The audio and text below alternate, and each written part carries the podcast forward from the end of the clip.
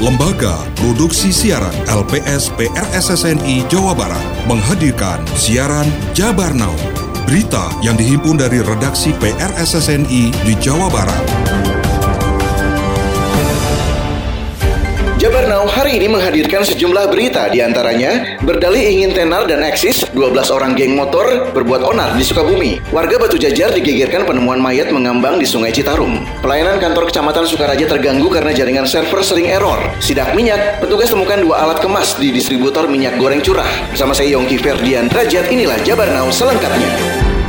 12 orang geng motor yang diduga akan berbuat onar dan keributan berhasil diamankan jajaran Polsek Parungkuda Polres Sukabumi. Informasi selengkapnya disampaikan oleh PRSSNI Korwil, Sukabumi. 12 orang anggota geng motor yang akan melakukan keributan berhasil diamankan oleh jajaran Polsek Parungkuda Polres Sukabumi Rabu malam kemarin. Kapolsek Parungkuda AKP Imam Prayitno mengatakan ke-12 orang tersebut diamankan karena diindikasikan akan berbuat onar ataupun keributan di wilayah Polsek Parungkuda. Kami amankan ke-12 orang ini karena diduga juga akan membuat onar atau keributan di wilayah Parung Kuda.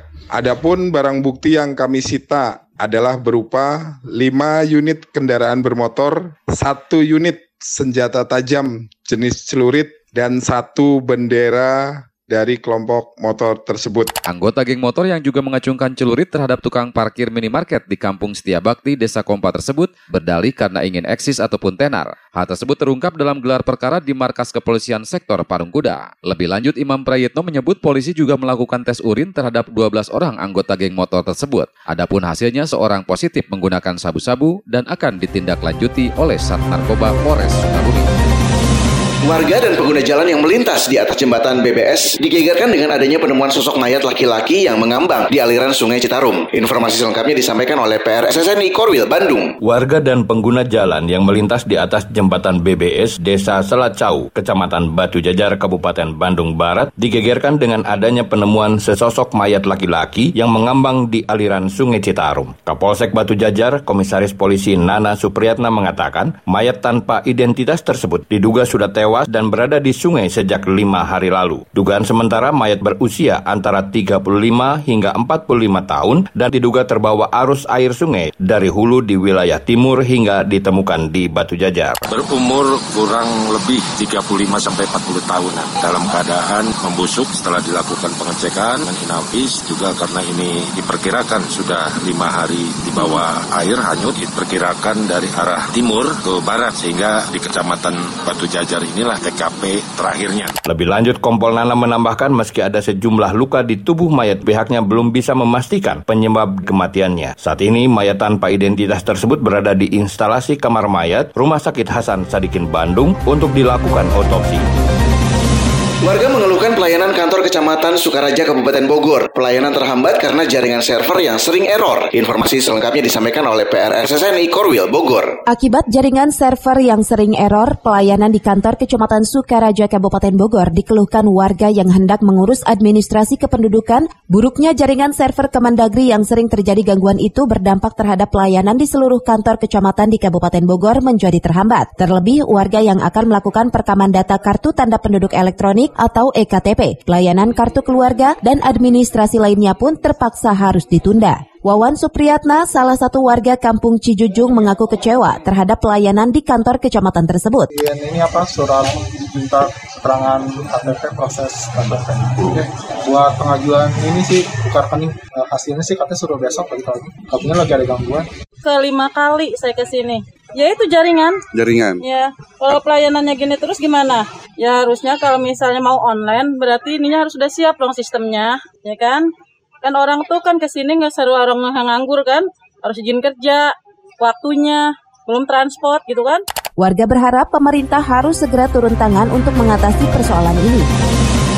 Tim Satgas Pangan bersama Polres Cirebon Kota melakukan inspeksi mendadak ke sejumlah distributor minyak goreng curah. Informasi selengkapnya disampaikan oleh PRSSNI Korwil Cirebon. Tim Satgas Pangan bersama Polres Cirebon Kota melakukan inspeksi mendadak atau sidak ke sejumlah distributor minyak goreng curah. Dalam sidak tersebut, petugas menemukan beberapa kejanggalan di depo, distributor dan agen di wilayah hukum Polres Cirebon Kota. Salah satunya adalah temuan alat kemas di gudang distributor. Hal itu disampaikan Kapolres Cirebon Kota AKBP M. Fahri Siregar. Tadi di satu tempat agen kita menemukan mesin pembuat kemasan untuk minyak goreng curah. Tetapi berdasarkan informasi awal dari pemilik bahwa kegiatan tersebut sudah tidak dilakukan lagi. Hal ini tentu menyalahi mekanisme penerima minyak goreng curah yang seharusnya dimanfaatkan oleh UMKM menengah ke bawah justru dikirimkan ke pabrik industri. Untuk itu, pihaknya kembali membentuk tim audit perihal kejanggalan tersebut.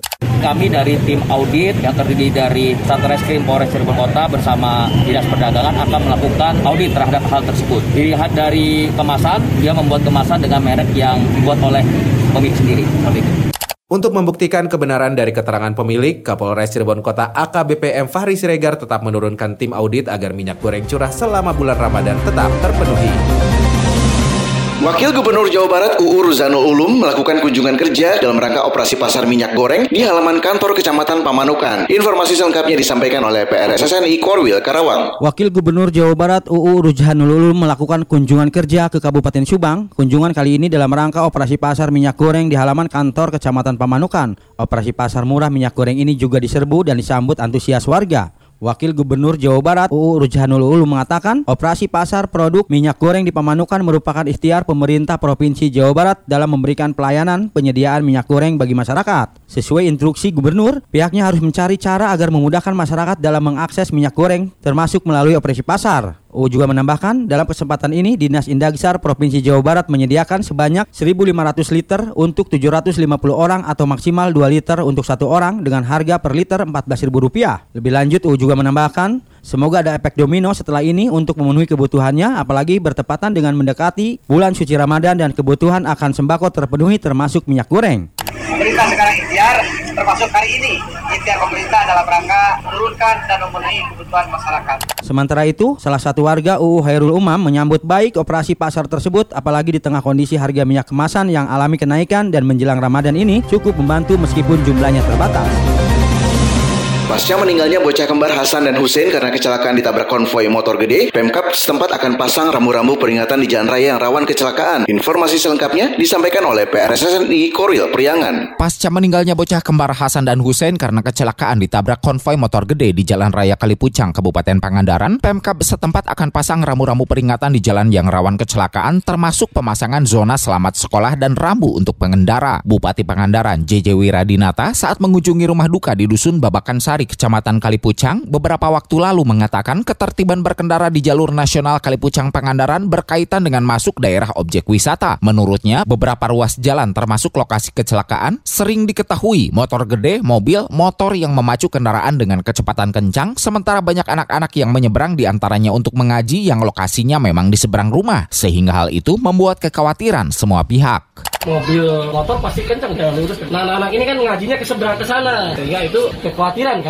ya berbahaya. Warna-biru jalur cepat, maka kita jalan keluarnya adalah membuat madrasah di sana dan di sini. Kewajiban saya, saya sebagai pemimpin tentu adalah mencari sebab yang paling utama, sehingga nanti titik rawannya tidak terjadi.